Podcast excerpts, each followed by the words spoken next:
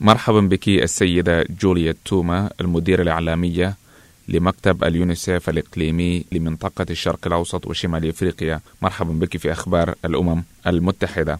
بداية أشار التقرير الذي أصدرتموه اليوم آه، نقلا عن تقارير أشار إلى مقتل أطفال وإصابة العشرات بجروح فضلا عن اعتقال آخرين آه، في الاضطرابات المستمرة التي اندلعت الشهر الماضي في السودان. نعم شكرا. هو في الواقع آه، تصريح صدر هذا الصباح بالنيابة عن المدير الإقليمي وهو يعبر عن يعني الأوضاع الملحة التي تجتاح السودان منذ حوالي شهر والتقارير المثيرة للقلق في الواقع عن مقتل واصابه عدد من الأطفال بجراح خلال المظاهرات والاحتجاجات وذلك نتيجة استخدام العنف في هذه المظاهرات. كما وردت تقارير عن احتجاز بعض الأطفال في السجون. آه، وبما أن هذه التقارير هي حتى اليوم لا نستطيع أن نتحقق من دقة هذه التقارير ولكن استمرار الوضع في السودان استمرار الاضطرابات بل وفي بعض الأحيان تفاقم الأوضاع يعني دعتنا إلى إصدار هذا البيان وهو في الواقع أقل ما نستطيع فعله من أجل الأطفال آه، في السودان. السيدة جوليا توما أيضا يعني آه، دعوتم في البيان إلى عدم استهداف الأطفال أو استخدامهم أو استغلالهم. نعم هذا أمر طبعا يتماشى مع اتفاقية حقوق الطفل وكنا ناشدنا صباح هذا اليوم في التصريح ناشدنا السلطات السودانية بعدم استخدام القوة وبحمايه الأطفال من أي أذى ومن أي ضرر وبحماية الأطفال من العنف إذا كان الجسدي أو النفسي. آه، وعدم استغلال الأطفال. يعني آه، ليس فقط السلطات السودانية مسؤولة ولكن الناس في السودان أيضا مسؤولين على حماية الأطفال. وعدم استغلال الأطفال لغايات آه، سياسية أو أو أخرى. أشار بيانكم أيضا إلى أن السودان يعني شهد في في الأشهر الأخيرة ارتفاعا غير مسبوق في تكاليف المعيشة ونقص في الخبز والوقود. هذا أدى إلى ازدياد الفقر بين الأطفال وأسرهم. مما اضطر بعض الأسر إلى اتخاذ تدابير سلبية مثل إخراجهم من المدرسة. صحيح.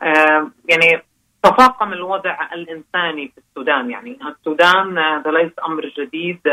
تعاني من وضع إنساني حرج منذ عقود. يعني هذا ليس أمر بجديد هناك أطفال يعانون بالسودان بسبب الفقر أو بسبب النزاع المستمر في مناطق مثل دارفور أو النيل الأزرق.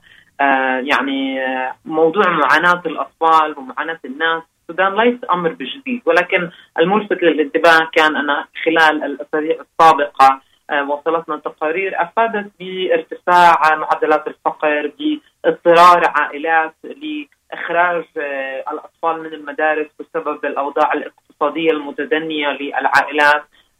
عدم توفر الوقود والنقص في الوقود على سبيل المثال أثر على الحياة اليومية ولكن أيضا على عملياتنا في اليونيسف يعني بعض عملياتنا اضطررنا أن نقلصها بسبب عدم توفر الوقود. اذا هي مجموعة من العوامل التي آه، أدت إلى آه، تفاقم الوضع. ومن هنا ندعو آه، كافة الناس في السودان والسلطات في السودان إلى ليس فقط حماية الأطفال ولكن أيضا وضع احتياجات الأطفال على رأس سلم الأولويات احتياجات الأطفال مثل التعليم والصحة والتغذية.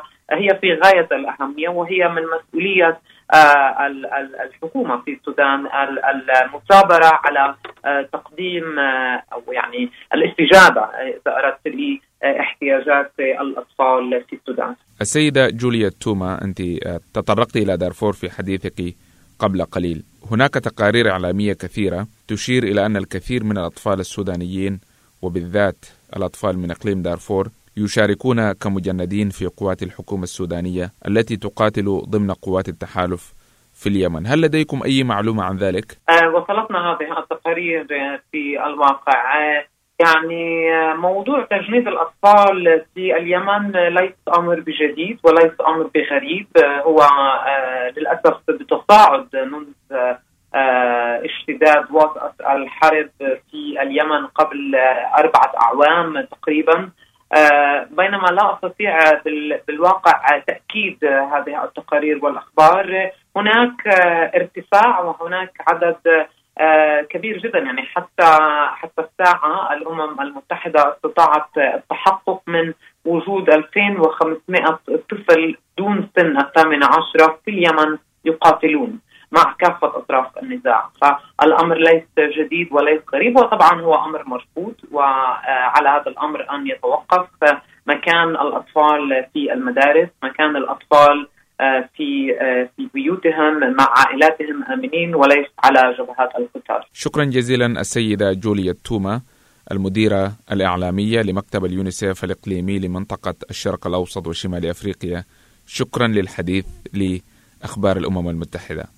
عفوا شكرا لك شكرا كثير.